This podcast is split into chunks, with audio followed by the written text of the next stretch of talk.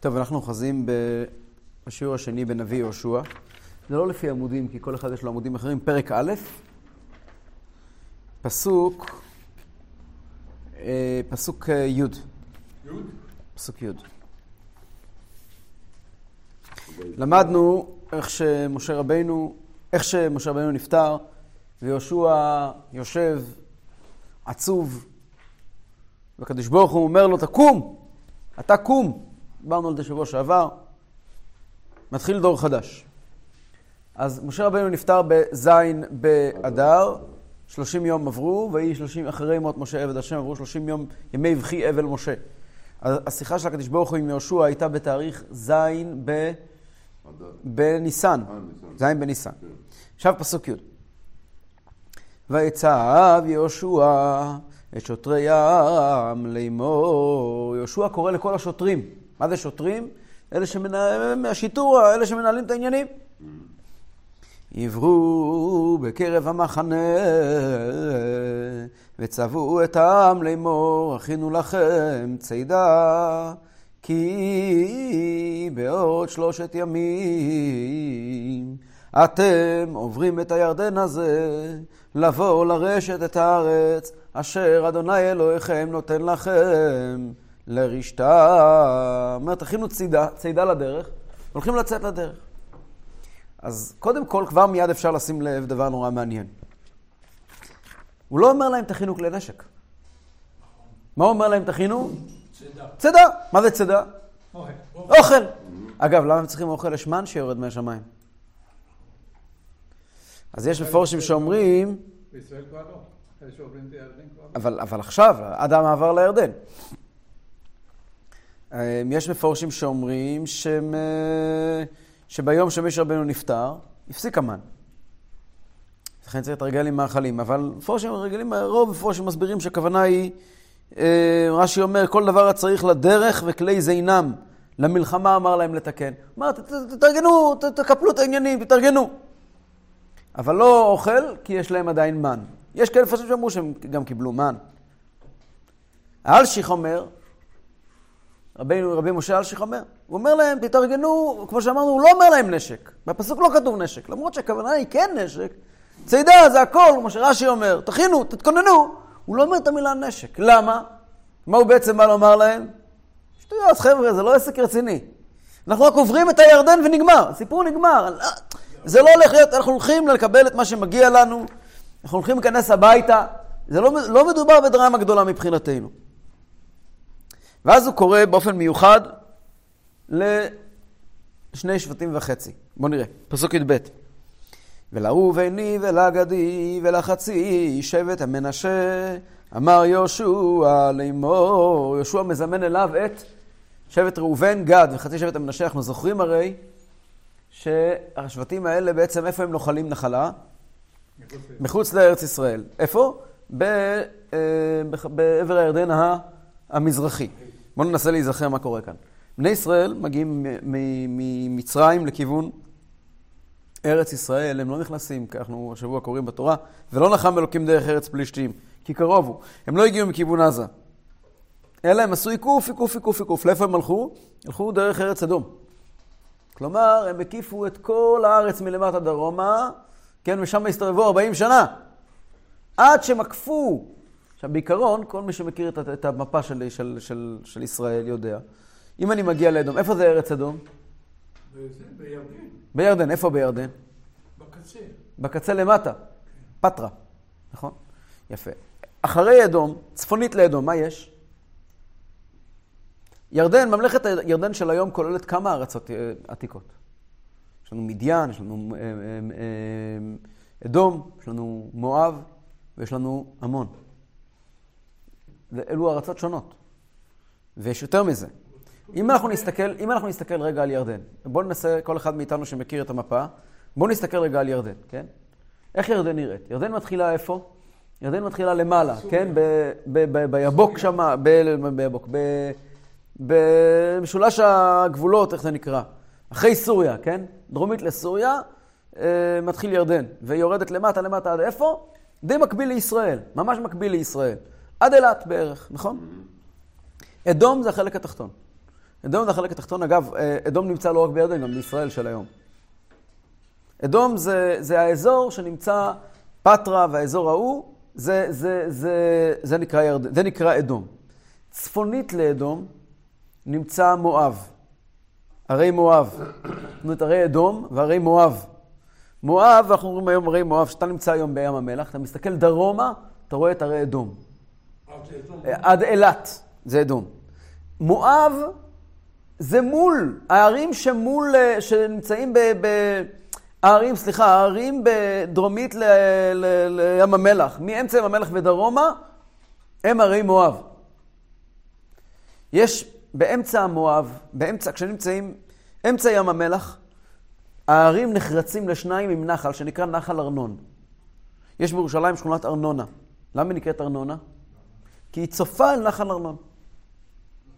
אם אתה מסתכל מכיוון ירושלים לכיוון ערי מואב, לכיוון ים המלח, אתה תראה, אפשר לראות את זה פשוט בעיניים, אפשר לראות את זה. אתה יכול לראות את כל הרי, אתה, אתה, אתה רואה, את ים המלח לא תמיד רואים, כי צריכים להסתכל למטה. אבל את ערי מואב רואים, את הערים שעולים אחרי ים המלח רואים, נכון? אתה תראה ערים, ערים, ערים, ערים, ערים, פתאום תראה חריץ, מוחלט, טק עד למטה, עולה למעלה חזרה, וממשיך הלאה. החריץ הזה זה ארנונה, זה ארנון, נחל ארנון. נחל ארנון היה גבול בתוך מואב. מה הגבול בין מה למה, בין מואב למה? אז בעיקרון מואב התפרס הלאה והלאה והלאה והלאה. מואב היה, כל עבר הירדן המזרחי היה מואב. מה שקרה, ששני מלכים מהאמורי, שהאמורי, המקום שלהם זה, האמורי יושב על ההר. ההר זה הרי יהודה והרי השומרון. ההר. האמורים, אחד ממלכי כנען. שני מלכים מהאמורי, סיחון מלך האמורי ואוג מלך הבשן, הלכו וכבשו ממואב שטחים. הם עברו את הירדן, לא, זמן, לא הרבה זמן לפני שבני ישראל הגיעו לשם, וכבשו את מואב ממואב, אוקיי? השטחים האלה, ונוצר גבול חדש בין מואב ובין אמורי, שהגבול הוא נחל ארנון. אז מנחל ארנון? לא, נחל ארנון זה באמצע ים המלח. מנחל ארנון עד, עד רמת הגולן כמעט, זה האמורי. גם, האמת היא גם רמת הגולן, זה האמורי. אבל השטח הזה נקרא מואב בידי האמורי. אוקיי? בדיוק. למה זה קרה? כי יש לנו איסור לכבוש את מואב. עלתה צרת מואב, ואל תתגור בם במלחמה, כי לבני מואב נתתיה ירושה. אסור לנו לגעת בשטחים של מואב. כך כתוב בתורה. אז הקדוש ברוך הוא עשה בשבילנו טובה, מה שנקרא עמון ומואב תיארו בסיחון. שטחים של עמון, שטחים של מואב נכבשו בידי סיחון, אנחנו כבשנו את סיחון, לא את מואב. וכל השטח הזה הפך להיות שטח כבוש. אז למעשה כל השטח, מנחל ארנון, צפונה, צפונה, צפונה, לשטח כבוש מידי האמורי, אבל בעצם הוא שטח מואבי ועמוני. אוקיי? משה רבינו כבש את השטח הזה. משה רבינו הרג את מלכי האמורי, את סיחון ואת אוג, וישב ישראל ביעזר ובבנותיה. כל האזור הזה מתיישב בידי יהודים, בני, לא יהודים, בני ישראל. כולם מתיישבים, כשאנחנו מדברים כעת על, על, על לפני הכניסה לארץ, עם ישראל כבר כמעט ולא גר באוהלים. יש להם ערים ברורות, הכל מסודר, יש להם מדינה. איפה? מעבר לירדן המזרחי. אבל המצווה היא להיכנס לארץ ישראל. רק שניים וחצי שבטים קיבלו רשות. כן. שתיים וחצי שבטים, שניים וחצי שבטים קיבלו רשות להישאר שם, שהם שבט גד וראובן, ומשה רבינו מצרף אליהם את חצי שבט המנשה. שהם נוחלים שם. בתנאי שהם יהיו הלוחמים הראשונים שיבואו עם, אה, אה, אה, לכבוש עם עם ישראל את, את, את ארץ ישראל. אליהם קורא יהושע ואומר להם, אתם, איתם הוא מדבר בשפה של מלחמה.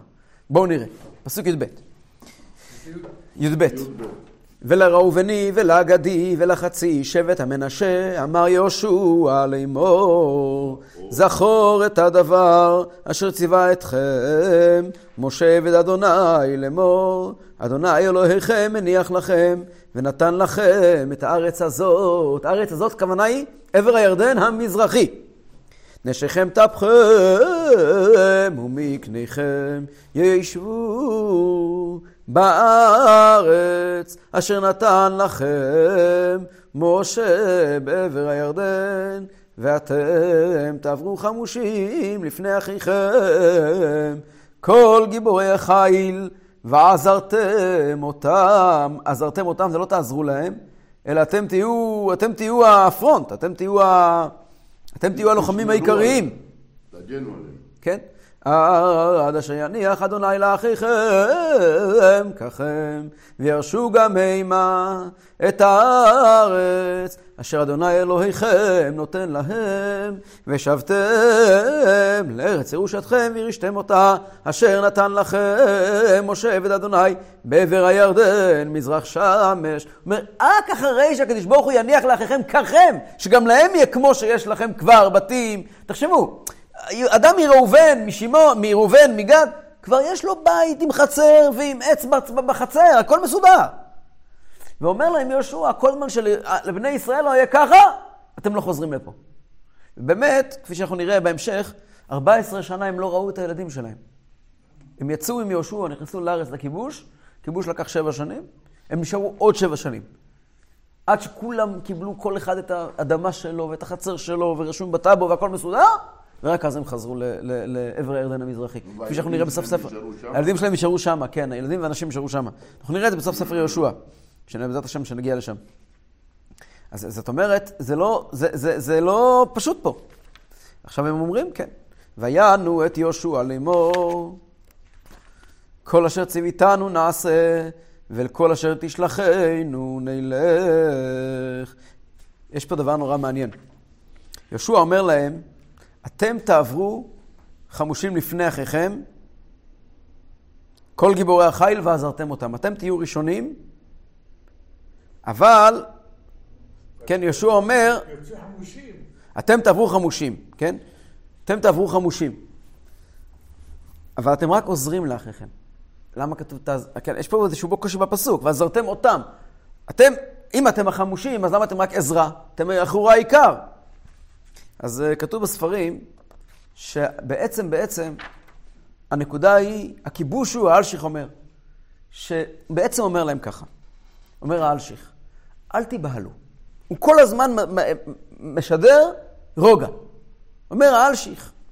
יהושע בעצם אומר לכולם, גם לבני ישראל, ואפילו כשהוא מגיע ומדבר עם, אה, עם, אה, עם בני גד ובני ראובן, הוא אומר להם, תקשיבו חברים, אנחנו מסודרים. אתם רק תבואו לעזור. לא צריכים, יותר מאשר עזרה לא צריך. אתם, לבני ישראל הוא בכלל לא מדבר על מלחמה. כי הם צריכים לעבור, לעבור לגל הבית שלהם.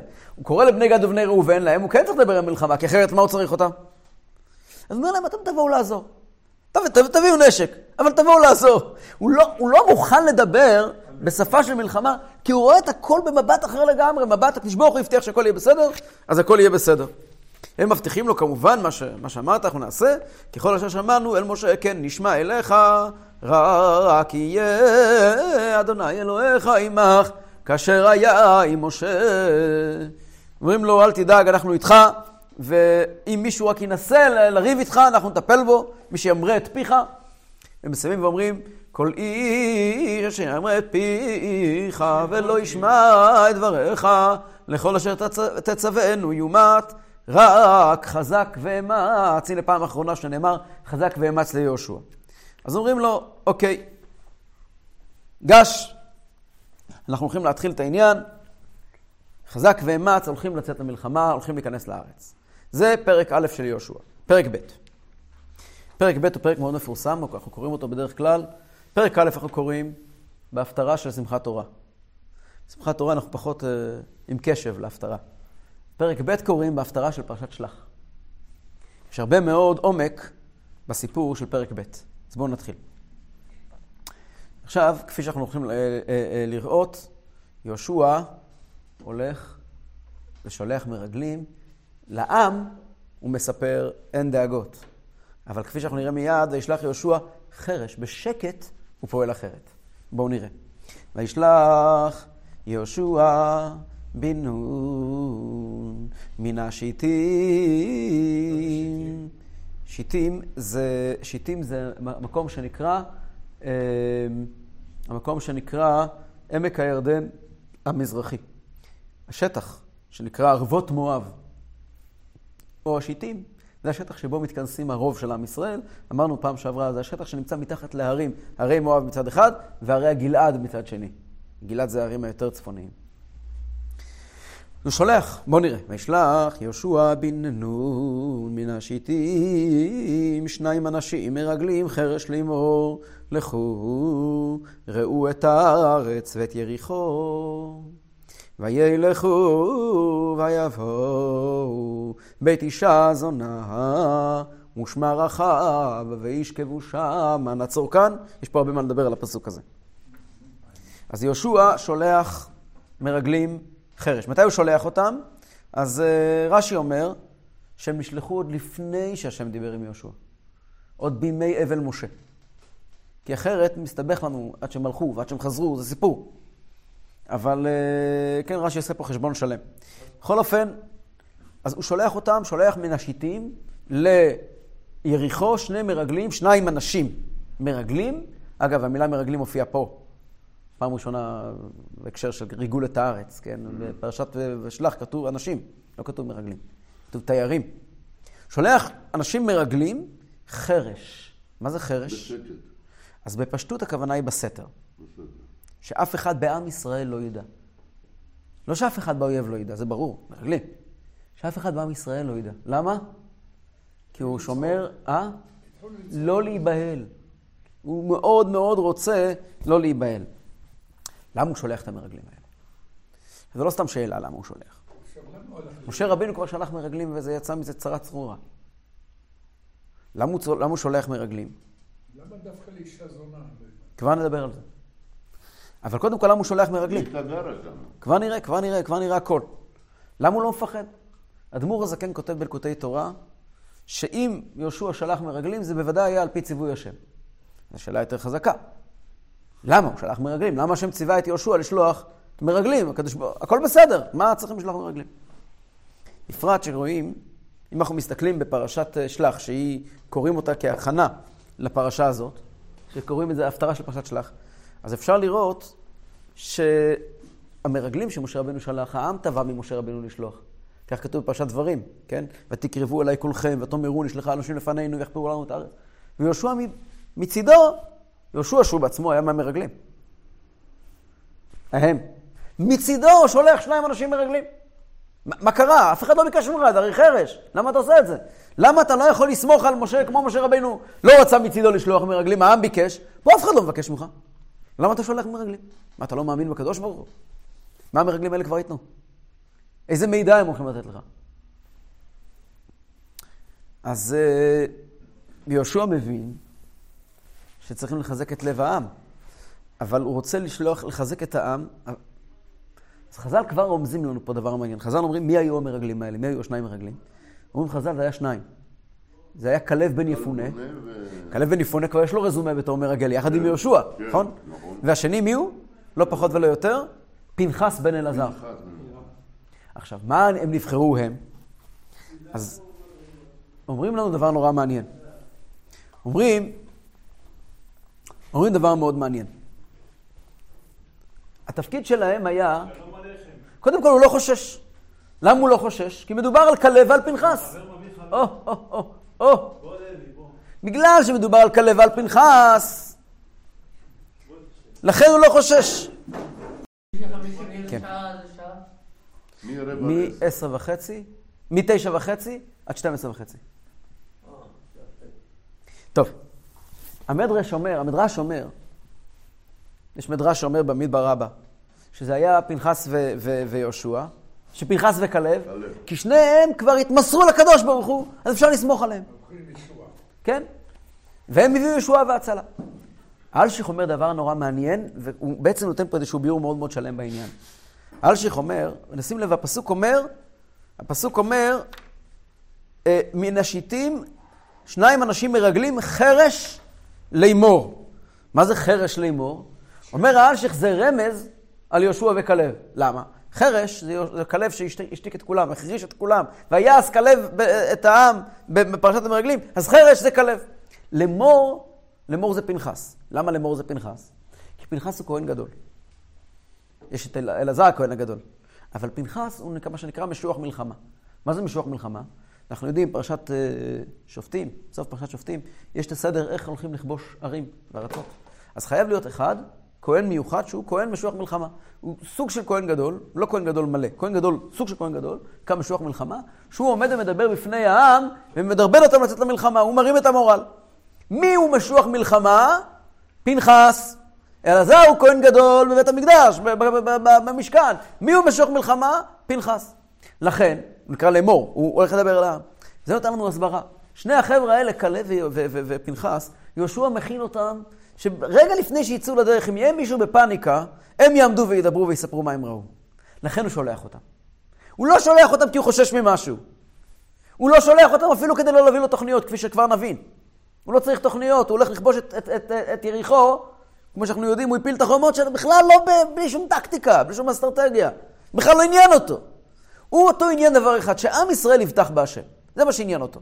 ולכן מצד אחד, ביד ימין הוא לא אומר מילה לעם. ביד שמאל הוא מכין תוכנית גיבוי. הוא כבר מכיר את עם ישראל. הוא מכין תוכנית גיבוי.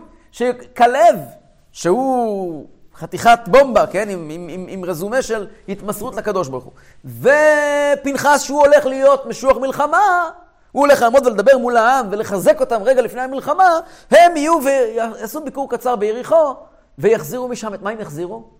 הם לא יחזירו את דרכי העיר, אלא יספרו על התחושות בעיר. ולכן, כתוב בחז"ל, שיריחו הייתה טרמינל. כתוב בחז"ל, הייתה טרמינל. טרמינל? טרמינל. מה זה טרמינל? מעבר. מעבר. כל, ה, כל מי שרצה להיכנס לארץ, בואו ננסה לדמיין לעצמנו את העולם הקדום, כן? העולם הקדום, אנחנו התרגלנו להסתכל על המפה בצורה הפוכה. כשהיה למעלה זה צפון, מזרח זה ימין, נכון? אבל האמת היא שהמפה המקראית, המפה האמיתית, היא הפוכה. למטה, הקדמה, קדימה, זה מזרח, אחור זה ים, דרום זה ימין, וצפון זה שמאל. איך נכנסים לארץ באותם ימים? מאיפה, איפה כל העמים נמצאים מסביב לארץ? אז העמים נמצאים, יש את מצרים שבאמת נמצאת מדרום, אבל חוץ ממצרים, כל היתר איפה נמצאים? כולם ממזרח. עמון, מואב, מדיין, הזכרנו קודם עמון, ובצפון גם כן יש לנו את כל העמים, אה, את ארם, כל העמים האלה כולם פרוסים ממזרח לארץ. מאיפה כולם נכנסים לארץ? כולם נכנסים בעצם מכיוון מזרח. הכניסה לארץ, היום זה הפוך. היום הכניסה לארץ היא ממערב. כי אנחנו מגיעים באוניות, כי אנחנו מגיעים במטוסים, כי החברים שלנו לא גרים במזרח, הם גרים במערב. אם אנחנו נוסעים, אנחנו נוסעים לאירופה, אנחנו נוסעים לאמריקה, נוסעים למרוקו, אבל מי נוסע למזרח? רק עכשיו, עם הסכמי אברהם, התחילו לנסוע לדובאי. בעיקרון אבל, בעיקרון, ארץ ישראל המקורית, שם ששלטו פה הטורקים, מאיפה נכנסו לארץ? איפה הייתה הכניסה העיקרית לארץ? ממזרח. איפה העיר הראשונה בכניסה לארץ? יריחו. למה יריחו? כמו שאמרנו מקודם, כמו שאמרנו בשבוע שיעור שעבר, יש מה שנקרא מעברות הירדן. מעברות הירדן זה מקומות שבהם הירדן הוא מאוד רדוד וכולם עוברים דרך שם. איפה זה מעברות הירדן? מול יריחו. כל מי שרוצה להיכנס לארץ, יורד לכיוון ערבות מואב, ומשם נכנס לארץ ליריחו. יריחו הייתה עיר רב-לאומית. כמו שאם אתה תיסע היום לניו יורק, אתה לא תראה אמריקאים, אתה תראה את ניו יורק. תיסע לברלין, לא תראה גרמנים, תראה את ברלין. תיסע ללונדון, לא תראה אנגלים, תראה את לונדון. ערי בירה, ערים מרכזיות כאלה, שהם, אז הם ערי מטרופולין, הם ערים שיש בהם הכל. יש בהם הכל. אתה לא תמצא שם רק תושבים של אותו אזור. אומרים חז"ל שכולם גרו ביריחו. האמורי, והפריזי, והחיטי, והכנעני, והיבוסי. לכל אחד יש את השטח שלו. טכנית, טכנית, יריחו שייכת לאמורי. אבל בפועל, יש שם את כולם. למה? כי זה היה עיר ענקית וחשובה. עיר מאוד מאוד חשובה, גם מבחינה, מכל בחינה. זה הפתח לעולם הגדול. צומת. זה צומת דרכים מאוד מאוד חשוב. זה מיד אחרי ים המלח, זה הנקודת כניסה. כל מי שרוצה להיכנס ולא לעבור דרך מדבריות. הרי אם אני אגיע מדרום, אני עובר דרך מדבריות. באותם ימים זה חתיכת סיפור. מאיפה אנשים נכנסים עוד דרך ארץ פלישתים? זה רק ממצרים. יש דרך, דרך רפיח, ללכת בלי, בלי מדבר. אבל חוץ משם, הכניסה העיקרית לארץ זה מפה. אז מה, מדרום היו עושים עיכוב? ודאי. כן. מי צריך להגיע מדרום? רק מצרים. אחרי מצרים כבר זה מדינות רחוקות. בעיקרון, אפריקה, מי גר באפריקה? העולם של אז לא גר באפריקה, העולם גר אז בלבנט, באזור שלנו. כולם נכנסים ממזרח. מילא זאת הייתה עיר, גם זו עיר עם כל הברכות בעולם, יריחו. אנחנו קצת מנסים להבין, כן? אתם מכירים את האזור, יודעים איפה זה יריחו. שירתנו שם. שירתת ביריחו, מצוין. יריחו זה עיר שיש בה חום מטורף, אבל יש בה מים בלי גבול. מים בלי גבול, זה כמו כגן השם בארץ מצרים באוחת צוהר. כמו שהיה בזמנו סדום ועמורה, לפני שהם נהפכו, היו מקום גן עדן. המקום הזה הוא גן עדן. הוא עד היום גן עדן אגב. הוא עד היום גן עדן. עד היום הזה, הגידולים של הארץ הכי חשובים זה משם, מעמק הירדן, מבקעת הירדן. זה חום מטורף ומים בלי גבול. וזה יריחו. בפרט היה ביריחו עיר התמרים. עד היום זה חמ... חממה מטורפת של תמרים, אבל גם היה שם דבר נוסף שהיום לא קיים, שם היה את אה, אה, אה, אה, שיח שנקרא אפרסמון, שהוא היה גידול מאוד מאוד מאוד יקר, זה לא אפרסמון שאנחנו קונים היום בחנויות. אפרסמון זה סוג של שיח שמייצרים ממנו שמן, בושם. הצורי, הצורי והציפורן, הצורי. זה הצורי. הצורי היה מכל העולם, המקום שהוא היה גדל, איפה זה? ביריחו. וכולם היו מגיעים לקנות את זה מיריחו. וזה היה דבר עם המון כסף, זה פשוט היה שווה. חלק מהמלחמות שהיו על יריחו זה היה על הצורי. להשיג את, ה, את, ה, את האפרסמון. כי זה פשוט היה גידול מאוד מאוד מאוד יוקרתי. וכולם בעצם נמצאים ביריחו. אז אם אתה יודע מה קורה ביריחו, אתה בעצם יודע מה קורה בכל הארץ. חז"ל אומרים, יריחו מנעולה של ארץ ישראל. מנעולה של ארץ ישראל. עכשיו, אם אני רוצה לברר מה קורה ביריחו, אני לא צריך להסתובב בשוק. יש בית אחד ביריחו ששם יודעים כל מה שקורה בכל יריחו. כולם עוברים שם. כולם הולכים לשם, בדיוק. וזה חז"ל אומרים לנו, כן? כבר נגיע לזה, אולי אפילו, לא יודע אם נספיק היום, אולי פעם הבאה נתחיל לדבר על מה היה שם בבית שלה, ולמה כולם הגיעו לשם, ומה היא ידעה שאף אחד לא ידע. אבל לפני כן נדבר רגע, כתוב בגמרא, כתוב ברות רבה, במדרש כתוב, ששלוש סיבות, ארבע סיבות, מה פירוש המילה חרש? ארבע פירושים למילה חרש, שמשה- שיהושע שלח מרגלים, חרש. אז רבי יהודה ורבי נחמיה אומר המדרש, חד אמר כלי נגרות היה בידם. הם הגיעו בתור נגרים, ואז הם חרשים, כמו חרש עץ. כן? חרש הכוונה, הסוואה שלהם הייתה כמו עם נגרים. רבי נחמיה אומר, כלי קדרות היה בידם. כאילו הם קדרים, חרס, מוכרי קדרים. רבי שמעון בר יוחאי אומר, חירש, כמשמעו, תעשו את עצמכם חרשים. אה, אה, אה, שלא ידעו את ה- את המבטא שלכם. כתוב חרס, כן, אבל דורשים. דורשים. קדרות, כן, זה לפי רבי נחמיה. רבי שמעון בן אלעזר אומר, מתוך שאתם עושים את עצמכם חרשים, אתם עובדים על אופנאים שלהם. אם אתם עושים את עצמכם חרשים, אתם יכולים להקשיב יותר טוב, והם לא ירגישו שהם, שהם מדברים לידכם. כך או ככה, כל, הש... כל הסיבות האלה בעצם הופכים את הבן אדם, כי זה מאוד מוזר, בן אדם מסתובב כאן? מי שמוכר קדרות חרס הוא אדם שקוף. מי שמסתובב, מי שסתם מגיע לעיר להסתובב, מי אתה, מה אתה, מה אתה עושה כאן? אבל אם אתה מוכר קדרות, כמו שרש"י מביא, בוחר את הפירוש הזה, אז הסוחר, אוקיי, אז זה מובן. אז גם חרש יכול להסתובב בכל מקום לתקן, והחירש בוודאי שלא שומע, אפשר לדבר לידו מה שרוצים בחופשיות. והם הולכים לבית של רחב. אז אה, נדבר קצת על רחב, ופעם הבאה נרחיב את הנושא הזה עוד יותר. אז חז"ל אומרים לנו במסכת מגילה, ארבע נשים יפהפיות היו בעולם, שרה ואביגיל, רחב ואסתר. אלו ארבע נשים הכי יפות בהיסטוריה. כן, כן, שרה ואביגיל, רחב ואסתר. הגמרא בתענית אומרת שכל מי שהיה אומר את המילה רחב, רק מלהגיד את המילה רחב, היה נטמע. מרוב היופי שלה, אז, אז זה מיד משגע את הבן אדם. לא? אז לא, רחב, ממנו רחב. הכי כתוב בחז"ל, זה מסכת מגילה דף ט"ו, ארבע יפות. שרה, שרה הייתה הכי יפה. שרה ואביגיל, רחב ואסתר. לא. כל 31, הגמרא אומרת במסכת זבחים, שלא היה אדם אחד, לא היה שר אחד, או נגיד אחד, היא הייתה VIP. מי היה מגיע אליה? השרים והנגידים. זה הסבר מורחב כן, שאתה מדבר פה? כן. איזה ספר זה? משה, אה, נביאים. זה, זה. היא הייתה, כבר אנחנו נבין, היא הייתה אישה, אשת מפתח, הגמרא אומרת, במסכת זבחים, שלא היה שר ונגיד בכל 31 מלכים, שלא בא על רחב הזונה. היא הייתה מאוד מאוד מאוד מאוד מאוד מאוד מאוד דומיננטית. ומילא היא ידעה את כל הסודות שלה, כמו שאנחנו נראה בהמשך. היא ידעה את כל הסודות. עכשיו, כל מה שאנחנו רוצים ממהם, לכאורה אסור, כתוב שאסור לעבור ליד בית של... זונה. כתוב שאסור לעבור ליד בית כזה. כתוב. איך הלכו לשם? אז אה, יש הסבר אחד, כותב, כותב, אה, כותב האור החיים הקדוש, יש לו ספר שנקרא ראשון לציון, אז הוא כותב שהם הלכו לשם בשביל השליחות.